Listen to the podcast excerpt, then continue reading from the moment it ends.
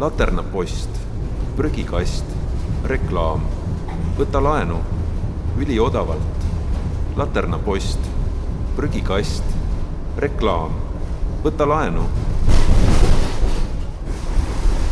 tramm logistab Kopli suunas.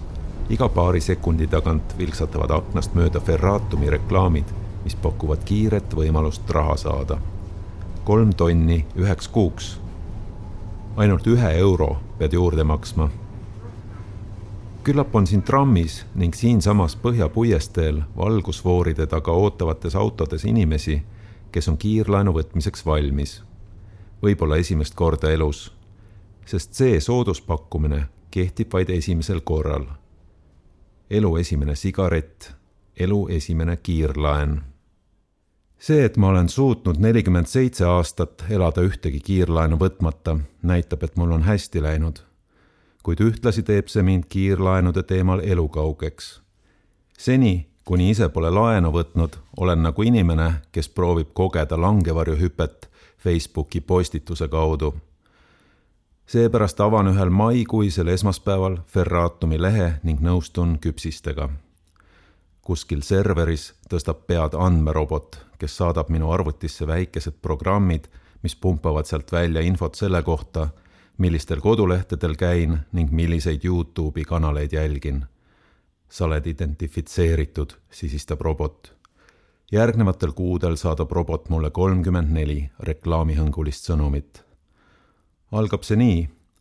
vaatan lehel ringi, kuid pruugib mul korraks mõttesse vajuda kui ekraanile ilmub reklaam kirjaga oota, ära veel mine. maksa kolmekümne päeva jooksul tagasi sama summa, mis sa laenasid. kõhklen korraks ja juba lendleb ekraaninurka etteheitev kirjake. miks sa soovid loobuda laenu taotlemisest? saan laenutaotluse valmis ja saadan teele. küsin tuhat viissada eurot. igaks juhuks lähen ka Kredit kahekümne nelja lehele ning täidan ka seal laenutaotluse tuhande ühesajale eurole kohe, kui olen taotluse lõpetanud, helistab mulle Richard Kredit kahekümne nelja klienditeenindusest. ta kontrollib, kas olen ankeedist aru saanud, küsib uuesti üle minu sissetuleku ja muud ankeeti märgitud asjad. siis räägib ta minu õigustest ja sellest, mis saab siis, kui ma tagasi ei maksa. kui tekib võlgnevus, on meil õigus teie leping edasi anda kolmandatele osapooltele, ütleb Richard. millistele kolmandatele? Richard kohmetub peaaegu kuuldavalt ja siis, nagu oleks ta pisut ebausklik ning ei tahaks head asja ära sõnuda, ütleb ta. loodame, et selleni asi lihtsalt ei jõua. jääme Richardiga mõlemad arvamusele, et hea oleks, kui asi selleni siiski ei jõuaks. seejärel helistab nüüd juba Ferratumist mulle üks teine rahuliku häälega härra, vist Viktor. küsib samu küsimusi, mis Richard kaks järjestikust SMS-i teatavad peagi, et papp on kohal. sa tegid mida? mu naine seisab keset tuba, nagu oleksin teatanud talle otsusest üks neer rahaks teha ja küsiksin tema arvamust, kas peaksin loobuma paremast või vasakust. võtsin kaks kiirlaenu. mõned sekundid vaikust, mille jooksul jõuab rõdul üks varblane umbes viis korda säutsuda. ma ei saa ju laenudest lugu kirjutada, kui ma pole neid ise võtnud millal sa tagasi maksad.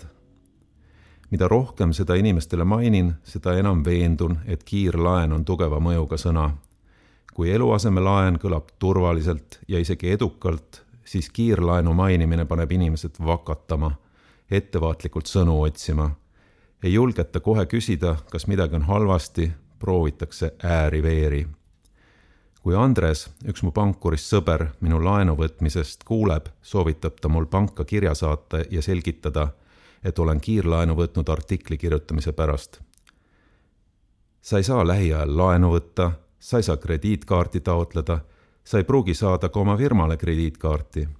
kui aga veel tagasimaksmisega hilined ja võlgu jääd, siis lööb see pankade rahakotirauad sinu ees aastateks lukku, loetleb Andres kuid on ka neid, kes ütlevad, et kiirlaenu ei tohiks peenutsevalt suhtuda. eriti praegu, kui tulemas on rasked ajad. siis on paljudel niigi oksemaitse suus, neil pole vaja õpetusi, kuidas peaks elama, ütleb üks sõber. sest nad ei näe muud võimalust, kui kiirlaenu võtta.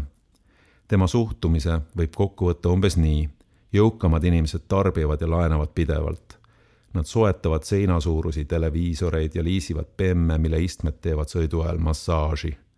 Ja siis kutsuvad mõistlikule käitumisele inimest, kellel on tarvis lapse kooliasjade jaoks küsida kiirlaenufirmast kaheks nädalaks kakssada eurot.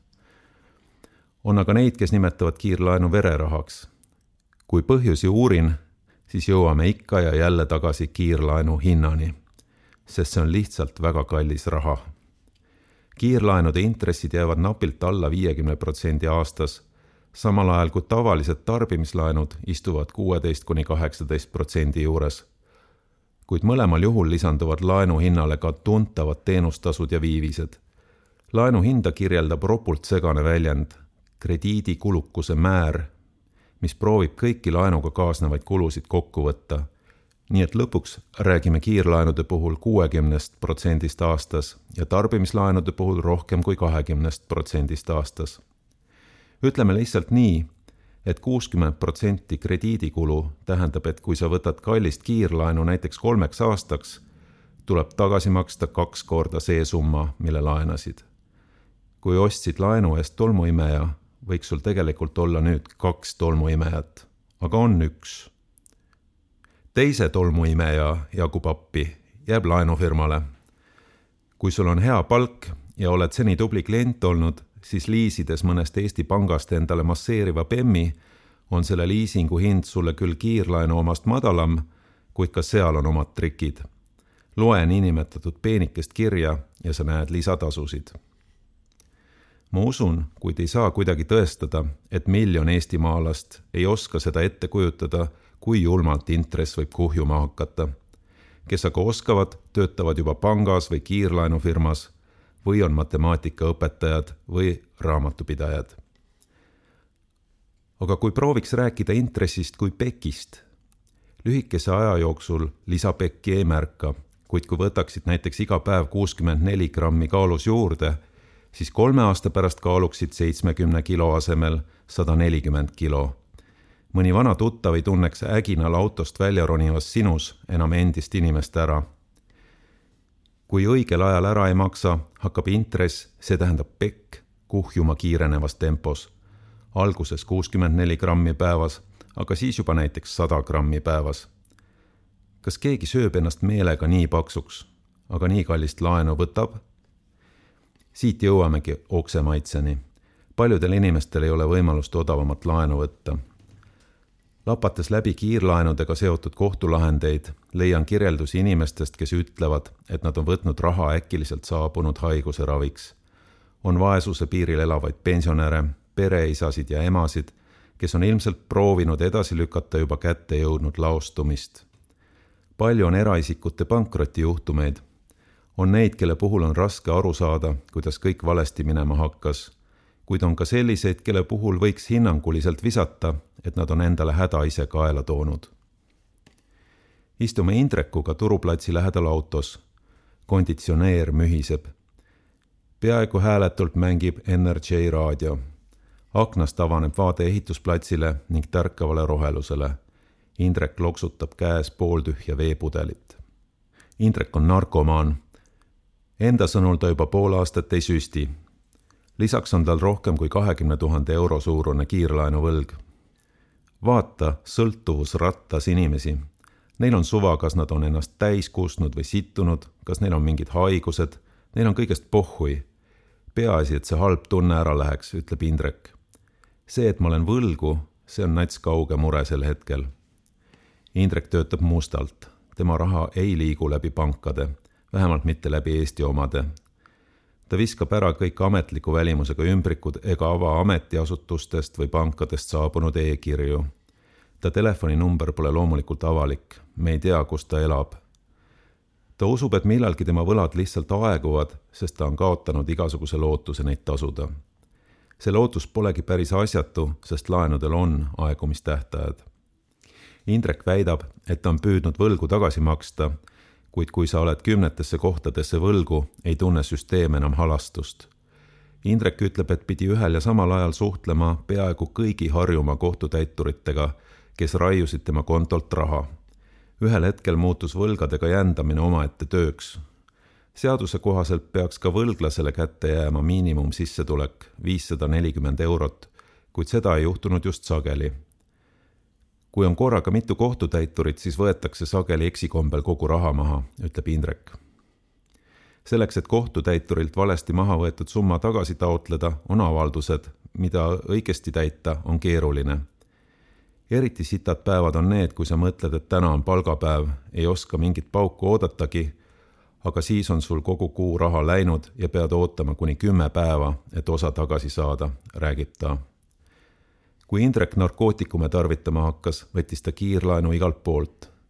kui laenufirmades piir ette tuli, siis võltsis ta pangakonto väljavõtteid ja näitas, et saab tuntud IT-firmas viis tuhat eurot kuus palka tarkvaraarendajana enam sedasi ei saaks, sest väljavõtetel on nüüd pangapoolne digikinnitus.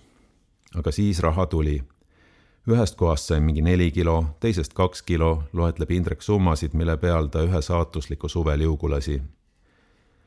Indrek mõistab, et ta on oma võlad ja valikud ise teinud, kuid ta lihtsalt ei jõua enam elada kuskil urkas, süüa neljakümne sendiseid nuudleid ning võidelda samal ajal oma narkomaaniaga. tal on olnud kergem ennast finantssüsteemist välja lülitada, kui õhkrat summat tagasi maksta. kui pole mingit vara, mida arestida, kui saad oma sissetuleku kanda mõne välismaise makseasutuse kontole, näiteks Indrekul on N kakskümmend kuus pangakonto Saksamaal, kuid sobib ka Revolut Inglismaal, siis saad praegu isegi enam-vähem hakkama. Pole muidugi välistatud, et Euroopa ametnikud hakkavad tulevikus paremini infot vahetama ja seegi uks pannakse kinni. kuid hetkel see õlekõrs töötab. Indreku väikesel maailmal on selge lagi ees. üha vähem on mustalt palka maksvaid firmasid üha täpsemad on taustakontrollid. karjääri teha on peaaegu võimatu. mustalt töötades võid ronida ainult teatud piirini, räägib ta. Või võtame Dmitri. tema peres on neli last. Dmitri polnud enda sõnul olnud kellelegi kunagi võlgu, kuni avastas, et nende perel tuleb tagasi maksta viiekohaline summa ta räägib, et tema naisel tekkisid kulutused, millest ta mehele ei rääkinud, ei tahtnud ilmselt koormata selleks, et kiirlaen tagasi maksta, võttis naine uued kiirlaenud ja nii umbes kümnest kohast. kui neilt enam laenu ei saanud, pöördus ta pandimajja ning lõpuks eraisikutest laenuandjate juurde, kes reklaamivad oma teenuseid sellistes portaalides nagu okidoki.ee. selleks ajaks oli võlg kasvanud juba summani, mida perel ka parima tahtmise juures kuskilt võtta polnud. Dmitri sai võlast teada siis, kui kohtutäiturid olid juba ukse taga ta ütleb mulle telefonis, et pere on võlad tasunud, kuid selle hind on olnud kuudepikkune püksirihma pingutamine. lõpuks õnnestus müüa õigel hetkel korter ja sellest saadud kasumi eest tasuda veel viimane ots. Dmitri tunnistab, et tal on olnud väga palju abi Eesti riigiasutustest. võlanõustaja, Sotsiaalkindlustusamet, isegi ohvriabitelefon ta ütleb, et kiirlaenudega maadlemise ajast saadik tunneb ta postkasti nähes vastikust ta keerab koridori ukse lukust lahti, astub kergel sammul astmeid vahele jättes trepist üles. kui pilk langeb puidust postkastide rivile, käib ta kehast läbi närvihoop. Ega jälle pole saabunud mõnda kirja inkassofirmalt või kohtutäiturilt. enam ei ole. või vähemalt nii ta arvas, sest mõni nädal hiljem annab Dmitri mulle mõista, et uued jamad rahaga on platsis naine on jälle kuskilt laenu võtnud ning kulutamise probleem tundub olevat karmim asi pole enam mingites ühekordsetes kulutustes. kiirlaenu võtmisest võib saada sõltuvus. muidugi saab võtta kiirlaenu ka nii, et sa pääsed suurematest jamadest. On päikeseline hommikupoolik maikuu lõpus. sireliõite lõhn tungib poolavatud aknast tuppa. Rauno ärkab üles selle peale, et telefonisurin annab teada saabunud sõnumist. palju õnne sünnipäevaks, soovib Platset Grupp OÜ ta kerib sõnumeid edasi. veel üks laenufirma, veel üks. Nad arvavad, et Rauno võiks endale tähtsa päeva puhul midagi toredat lubada. Nad on selleks valmis kohe raha üle kandma. Platset Grupp pakub selliseid kiirlaenutooteid nagu SMS-raha ja laen.ee. nagu teistel laenajatel on ka neil põhjust Raunot taga igatseda, sest aastaid tagasi on Rauno kiirlaenu võtnud nelikümmend üheksa korda. jah, nelikümmend üheksa tudengilaen, päikeselaen, reisilaen, SMS-laen, tarbimislaen, boonuslaen, autolaen, terviselaen, remondilaen, pulmalaen. Raunot pole kottinud reklaamide sõnastused. Majanduslikult mõtleva inimesena on ta arvutanud läbi pakutavate laenude tingimused, teinud endale selgeks kõik konksud ning siis paika pannud täpsed tagasimaksmise graafikud. seejärel on ta raha kasutanud. näiteks selleks, et sõita ühe otsa piletiga Londonisse investoritega kohtuma. Endal kõht nii valjusti korisemas, et see segas isegi esitlust ta on kasutanud laenu ka selleks, et minna tüdrukuga kohtamisele. Mõlemad otsused on Rauno sõnul ennast ära tasunud. investorid investeerisid Rauno ettevõttesse ning kohtamisest sündis juba kuus aastat kestev kooselu. Rauno firma annab nüüd tööd mitmekümnele inimesele. kui räägime Raunoga laenudest ja laenamisest, küsin, kas ta soovitaks kiirlaenu oma sõbrale ma ei soovita kellelgi võtta kiirlaenu, ütleb ta ja lisab, et samal ajal ei soovita ta kellelgi ka ettevõtjaks hakata. Ohte on palju. umbes sama ratsionaalselt suhtub kiirlaenudesse ka poeet Teet, kes ehitab kiirlaenuga aeg-ajalt silda ühest honorarist teiseni. ta nimetab kiirlaenamist raha rentimiseks. ta ütleb, et teab, et see on kallis tegevus, kuid just laenu kõrge hind sunnib teda ka võimalikult ruttu selle tagasi maksma kuule, ära oma loos mu päris nime kasuta, sest mu naine ei tea, et ma olen kiirlaenu võtnud, ütleb ta pärast meie vestlust. Kui paljud meist on nagu Rauno või Teet? kui paljud meist oskavad ennast vaos hoida nagu Tiibeti mungad ja kui paljud oskavad samal ajal lugeda laenulepinguga kaasas käivat peenet kirja? enamik meist hindab üle oma tulusid ja alahindab kulusid. juuni alguses on kiirlaenuraha jätkuvalt mu kontol natuke kripeldab, et ta seal on, ikkagi vaba raha, ostaks Bitcoini, äkki joppab, Bitcoini hind võib tegelikult tõusta küll. Pärast maksan tagasi ja jääb mullegi. aga kui mul oleks seda raha väga tarvis näiteks toidu jaoks, kas ma suudaksin vastu panna kiusatusele ja seda mitte kasutada? või ostaks lastele midagi lahedat? maksan oma kiirlaenud siiski tagasi Telefonile tuleb tänusõnum Ferratumist ning selgub, et esimest korda laenates ei tulnudki ei intressi ega peidetud lisatasu, nagu reklaam Laternapostil lubas. järgneb tänusõnum ka Kredit kahekümne neljast. Kuid sellega ei lõpe mitte midagi. jaanipäeva eelsetel nädalatel hakkab mõlemast firmast tulema uusi pakkumisi nagu sõidukeid Tallinn-Tartu maanteel reede õhtul sest tegelikult ei ole ma saanud laenu, vaid mulle on avatud krediidikonto, mida võin pärast tagasimaksmist uuesti kasutada. Nad soovivad, et ma pruugiksin seda kontot lõputult. Kredit kakskümmend neli nimetab ennast minu taustajõuks ning pakub välja idee, et ma võiksin auto suveks korda teha. Verratum soovitab jaanipäeva mõnusaks veetmiseks võtta raha hoopis neilt kõikidel sõnumitel on juures pildid inimestest, kellel on ilmselgelt väga tore olla. ei mingeid narkomaane ega murelikke lapsevanemaid. sellised pildipanga stiilis. kompa on paigas, värvid on kirevad. no davai, võtan siis veel korraks teilt laenu. vaatan, mis saab. Tuhandekene ühest, tuhandekene teisest. Kredit kakskümmend neli palub mul saata uuesti panga väljavõtte. ma ei viitsi, kuid raha laekub sellest hoolimata lisaks teatab Kredit kakskümmend neli mulle, et mu krediidilimiiti on võimalik tõsta kolme tuhande viiesaja euroni. ma mängin ideega jääda mõlemale võlgu, kõik selle artikli nimel siin. kuid see lugu siin ei jõua võlgujäämist ära oodata, maksan rahad uuesti tagasi. Sõnumeid aina tuleb, igaks elujuhtumiks. me oleme siin, sinu jaoks, sinu suure S-iga ma räägin ühe rahandustegelasega, kes möllas nullindate teises pooles Eesti kiirlaenumaastikul ning aitas üles ehitada ühte siinset edukat laenufirmat. nüüd elab ta Soomes ning meenutab neid aastaid kui metsikut läänt, kus nutikas tehnoloogia arenes seadustest kiiremini. Uued kiirlaenufirmad tundsid, et nad suudavad olla pankadest kiiremad, täpsemad ja paremad.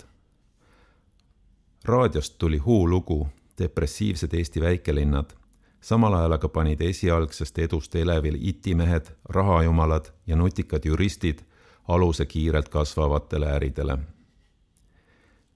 vaadates kodulehti ja lapates netis raporteid, näen, et tuntumad kiirlaenufirmad on üles ehitatud hästi.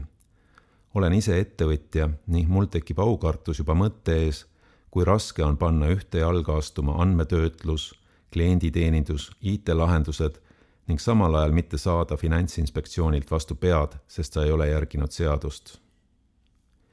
Kredit kahekümne nelja laenuotsuseid teeb sada protsenti robot, ütles mulle üks asjaga kursis olev inimene ning mulle meenub mu kujutuspilt robotämblikust Ferratumi lehel. Samal ajal on ka suurtes pankades laenuotsused juba üldiselt automatiseeritud. tarbimislaenu otsus võib olla sinu jaoks tehtud ammu enne, kui sa seda küsima lähed. korralik laenusüsteem on nagu metsalõikusmasin, harvester, võimekas robot, mis lõikab ka kõige keerulisemast kohast puid kiiresti ja osavalt kiirlaenufirmad on laiendanud oma teenuseid ning nad pakuvad sarnaselt pankadega pisut madalamate intressidega moto- ja suvelaene ning järelmaksu. tootearendus käib täie rauaga, Harvesteri juhtpaneelile tuleb nuppe juurde. kust aga tuleb nende firmade papp? mõned näited. IPF Digital annab välja rahvusvahelisi võlakirju. see tähendab, et neil polegi endal ilmtingimata raha, vaid nad saavad raha investoritelt, kelle rahakotti Kredit kahekümne nelja logoga Harvesteri abil siis intressi juurde lõigatakse. Siis on olemas erinevad patriootlike nimetustega hoiu-laenuühistud, mis kutsuvad inimesi üles paigutama hoiukontole raha. Need pakuvad tavatult head teenistust. näiteks võib sada eurot seal aastaga teenida seitse kuni kaksteist eurot juurde. tavalisel pangakontol ta ei teeni midagi sellised hoiu-laenuühistud teenivad raha sageli nii, et annavad välja kiirlaene umbes kahekümneprotsendilise kasumiga. nii saabki võimalikuks hoiustajatele intressi maksmine. Siis on olemas Bondora, kus inimesed saavad hakata ise kiirlaenuettevõtjaks. kiirlaenufirma võib aga pööritada ka lihtsalt üksikute investorite raha. mulle räägitakse palju lugusid laenuvõtjatest kuid väheseid neist saab avalikult levitada, liiga tundlik. näiteks, ta oli varajastes neljakümnendates mees, jah, jälle mees. teda võinuks paljudel põhjustel kadestada, meeldis inimestele, tal oli äri, ta oli seltskondlik, armastas head veini. ühel päeval tappis ennast ära. selgus, et viimaste aastate edu oli teeseldud, olid vaid laenud, siis laenud sõpradelt, siis kiirlaenud ja siis puhtjuhuslikult saabub mulle maksekäsk. selgub, et üks mu dementne sugulane on kahe tuhande üheteistkümnendal aastal võtnud laenu sada kakskümmend kuus eurot. Summa on vahepeal intresside ja teenustasude tõttu kasvanud kolmesaja seitsmeteist koma kuuekümne seitsme euroni ning seda nõuab minult kui sugulase eestkostjalt ettevõtte nimega Activa Finants OÜ. murran pead kuidas on dementne sugulane laenu saanud, arvestades, et ta pole viimased viiskümmend aastat töötanud ning viibib tänaseks teovõimetuks tunnistatuna hooldekodus. vaidlustan makseettepaneku, selleks pean täitma pisut kohmaka vormi. kui hiljem räägin ühe advokaadiga, kiidab ta mu sammu heaks. kiirmenetlusega on kindlasti mõtet vaielda, kinnitab ta. kui sa ei vasta, siis saab selle raha sinu käest välja nõuda ilma pikema jututa kui inimene aga vastab, et ta pole nõus raha mahavõtmisega, ei saa seda kohe maha võtta. asja peab edasi arutama kohus. nii inkasso kui ka kohus mõjuvad inimestele hirmutavalt, nendib advokaat, kuid ta julgustab kõiki enda eest seisma. inkassofirma ei taha tegelikult kohtusse minna, see on tema jaoks kallis, ütleb ta. pealegi, kui asi jõuabki kohtusse ning inimene kohtule ka ilma advokaadita oma loo ära räägib on lootust, et kohus asub tema poolele ning võib summat vähendada või otsustada sootuks võlgniku kasuks. näiteks, kui kohus leiab, et laenaja on olnud väljapääsmatus olukorras või on laenufirma valesti hinnanud tema võimalusi laenu tagasi maksta. mõne aja pärast saan vastuse, et maksekäsk on edastatud Harju maakohtusse. jään ootama suurepärast võimalust oma sugulase lugu ära rääkida mulle saab üha selgemaks, et võlad ei puuduta ainult võlglasi, vaid ka nende lähedasi. kiire laenu võtmiseks võib olla väga lihtsaid põhjusi. naabrilapsed käisid reisil. Sinu laps pole aga kuskil käinud. sa näed laternaposti küljes oleva prügikasti peal reklaami. võta kolm tuhat eurot. tagasi maksad vaid kolm tuhat üks eurot. sul võib olla lihtsalt inimlik soov veeta üks tore nädalalõpp perega. päev, mida su lapsed aastal kaks tuhat nelikümmend üks mäletavad kui ühte helget hetke, kus elati neljatärni spaahotellis ja lasti basseinis alla kõigist torudest. selle päeva väärtust ei saagi mõõta rahas sel päeval oma laste õnnelikke nägusid vaadates võid mõelda, et mingu perse kõik eksperdid, kes ütlevad, kuidas me peame õigesti elama, kuidas me peame õigesti rääkima, kuidas ei tohi öelda millal asemel kuna ja kes heietavad mingist jätkusuutlikkusest. sul on üks elu. see elu on juhtumisi siin ja praegu ja sa elad seda nii, nagu sa ise tahad. kolme tuhandet ühte eurot sul võib-olla siiski ei ole tagasi maksta. rakenduvad trahvid sa proovid võtta teisest kohast laenu, et maksta esimesi, summa kerib suuremaks. mõnele inimesele mõjub kergesti sülle kukkunud laen nagu kartulikrõps. kui pakk on juba teleka kõrval diivanil, siis on mõnus võtta. ilus paralleel Pringlesi krõpsu ingliskeelse reklaamlausega Once you pop, you can't stop. kui pakk on lahti, pidama enam ei saa sõltuvust toidab ka lakkamatu reklaam iga posti otsas, iga päev sinu telefonis ja kirjakastis. popp, popp, popp. nii kirjeldab üks hiljutine kohtualune kohtudokumentides, et esimese kiirlaenu võtmise põhjuseks oli saada korraks suurem summa raha, et ennast hästi tunda ja endale ning perele midagi paremat lubada. abikaasale valetas ta, et sai töölt preemiat. esimene kiirlaen tekitas tema sõnul aga sõltuvust ning ta võttis laene üha suuremates summades, kuni ei suutnud enam tagasi maksta. ta jäi võlgu rohkem kui kümnele kiirlaenufirmale kaheksateistaastane mees, vastab üks kiirlaenufirma kunagine töötaja mulle hetkekski kõhklemata, kui küsin, kes on kõige lollimad laenuvõtjad. selle tüübi laen on võetud näiteks öösel kell kaks ning pärast on see sularahas automaadist kätte saadud, jätkab ühe suure panga kunagine töötaja. noored mehed mõtlevad kõige vähem tulevikule ning nad teevad kõige kergemini läbimõtlemata otsuseid. Nad sõidavad ennast mootorrattaga surnuks, vanade bemmidega vigaseks manustavad üledoose, hüppavad katustelt alla ja võtavad kiirlaenu. ilma selge plaanita, kuidas see tagasi maksta. öö kogub tuure.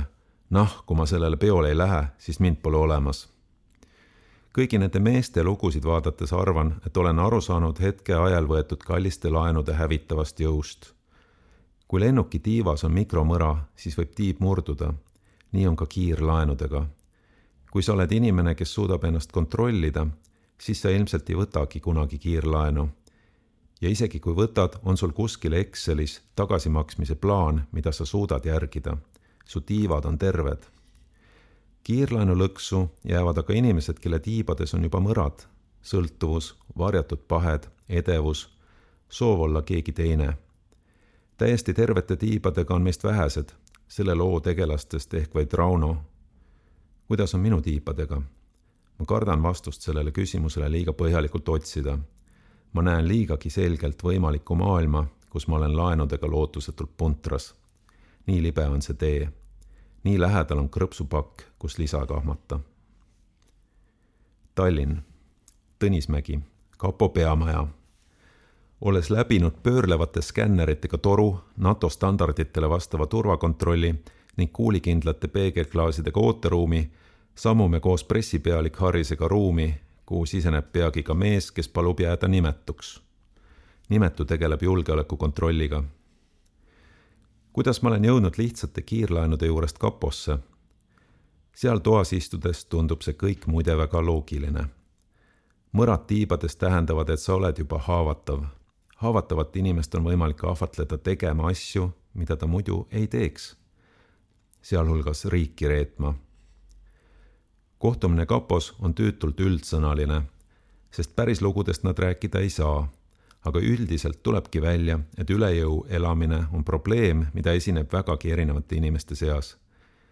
ning nagu pankuritki, kinnitab nimetu, et kiirlaenu võtmise fakt on ka julgeolekuasutusele punane lipuke. üks märk sellest, et sa ei ole usaldusväärne, et sa ei suuda oma rahaasju korras hoida erinevalt pankuritest lisab nimetu kahtlaste asjade nimekirja ka tarbimislaenud, eriti kui nende tagasimaksmiseks kulub suur osa sinu sissetulekust. sest kui inimene allub liiga kergesti ahvatlustele ning ei oska oma rahaasju arukalt juhtida, kuidas saab talle siis usaldada riigisaladust? kui ametiisik laenumaksetega juba päriselt jänni jääb, siis põlevad kapos juba paljud hoiatuslambikesed. inimestega vesteldakse, proovitakse võib-olla anda teatud aega asjade kordasaamiseks, kuid kui seegi ei õnnestu, on inimene usaldusringist väljas tegelikult on meile vahel isegi aitäh öeldud, sest inimene on tänu vestlusele meiega suutnud oma rahaasjad korda saada, ütleb nimetu rahulolevalt. kas me võime öelda, et kogu ühiskond on siis haavatavam, kui paljud on võlgades? proovin nimetu käest laiemat järeldust kätte saada.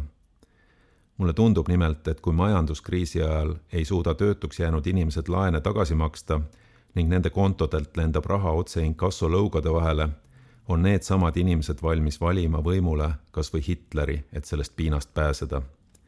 seda Hitleri asja ei ütle ma valjusti välja, kuid nimetu ei soovi ikkagi mõttega kaasa tulla. profina räägib ta vaid sellest, mis on seaduse järgi tema töö, julgeolekukontroll. Nii kapos, pankades kui ka juristidega suheldes tuleb välja veel üks selge muster. nimelt, inimesed ei alusta tavaliselt võlgu jäämist kiirlaenust kõigepealt jäävad nad jänni tarbimislaenude, järelmaksude, eluasemelaenudega. eriti tähelepanelik tuleks olla tarbimislaenudega, mis tunduvad näiliselt soodsad, kuid mille tagasimaksed kestavad vahel aastaid pärast seda, kui ostetud iPhone'ist enam ammu mingit rõõmu pole. Parem kogu asja jaoks raha ja osta see kohe välja, ütlevad eksperdid, pankurid, aitajad ja muud asjapulgad nagu ühest suust. või osta siis väiksem asi või osta kasutatud asi aga ega need inimesed, kellel tegelikult probleem on, sinu artiklit ei loe, kurdavad nad järgmiseks. siiski teen, mis oskan ja lepin kokku järgmise kohtumise. Tallinna lähedal Veereki jäätmekäitlusjaamas murrab tunkedes naisterahvas mõne sekundiga televiisori tagakülje lahti, eraldab nobedalt trahvosid ja trükiplaate, plastmassist jupid lendavad ühte kasti, vaskijuhtmed teise, teras kolmandasse kineskoop lõigatakse katki, sentimeetri paksune esiklaas ning selle taga olev klaasist koonus lähevad eraldi purustitesse. see võis kakskümmend aastat tagasi olla päris hea televiisor. siinsamas Telerite surnuaias toetab seina vastu üks tõeline plastmasstelekate keiser, mis võis nullindatel mõne Viimsi koduseinal kõnelda heast elust ja hooletust jõukusest. valgest plastmassist äär, hõbedased kõlarid.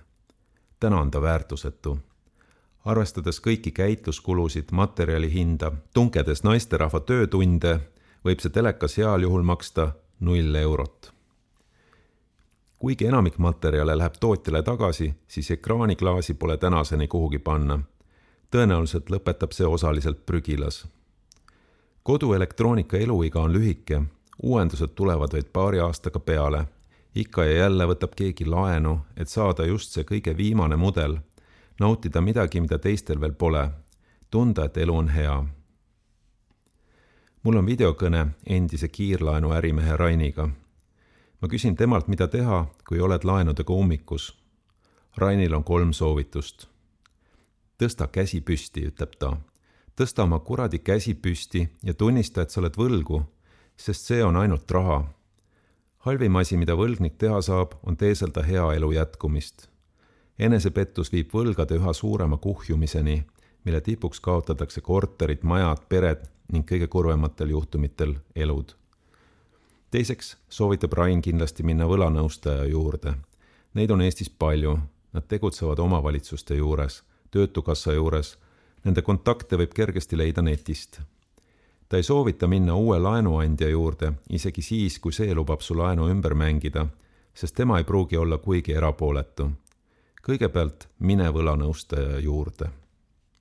mine pigem varem, kui asi hakkab juba kahtlasena tunduma, sest nagu öeldud, võlgujäämised algavad näiliselt süütust olukorrast.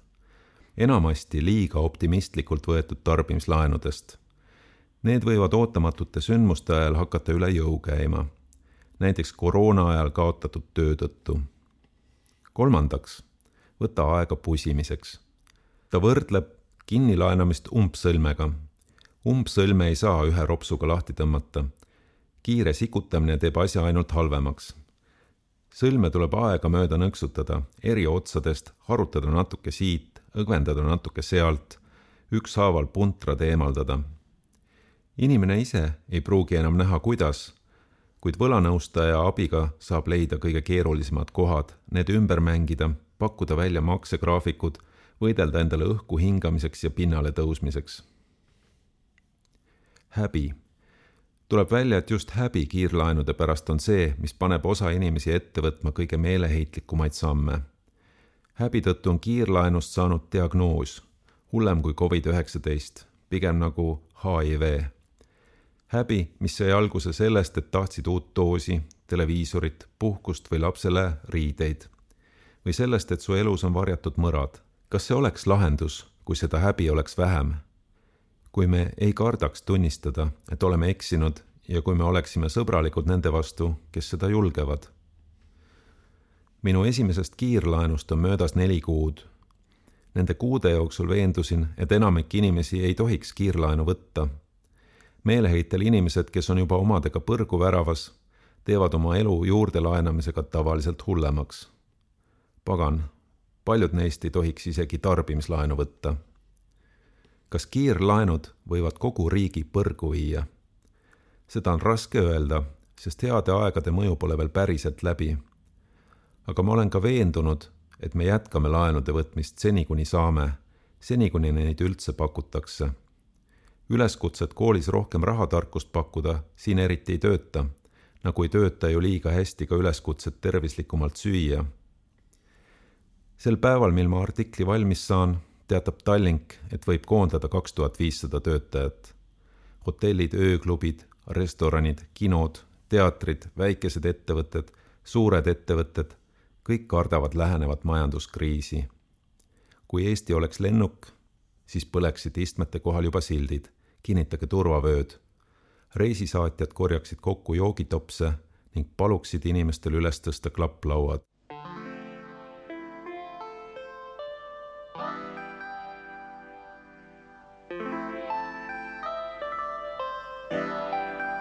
me siseneme turbulentsi. kas me oleme vahepeal liiga palju laenanud? kui mõratud on meie tiivad?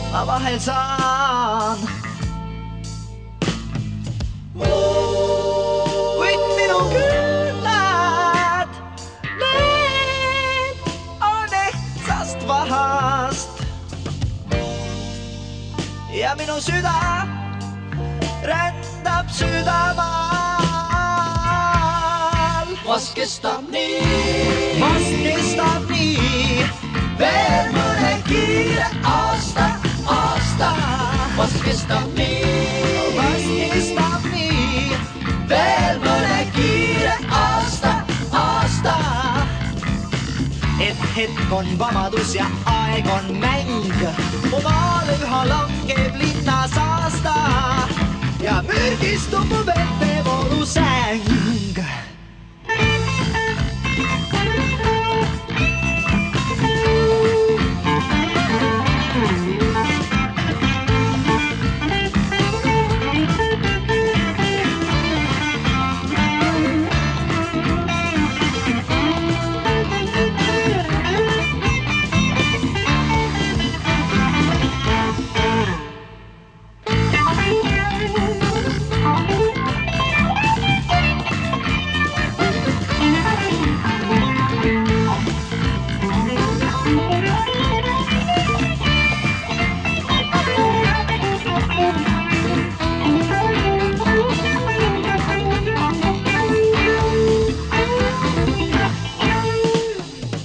kas leian siis ma laulu aseained, mis kundet rahuldab, kui odav väljamüük. kas seks, et hoida oma vasset mainet, mu metsas lubatuks saab linnupüük. ma elan oma lauludest ja rahast, mis mõne laulu eest ma vahel saan. kuid minu küünlad, need on ehtsast vahast ja minu süda rändab.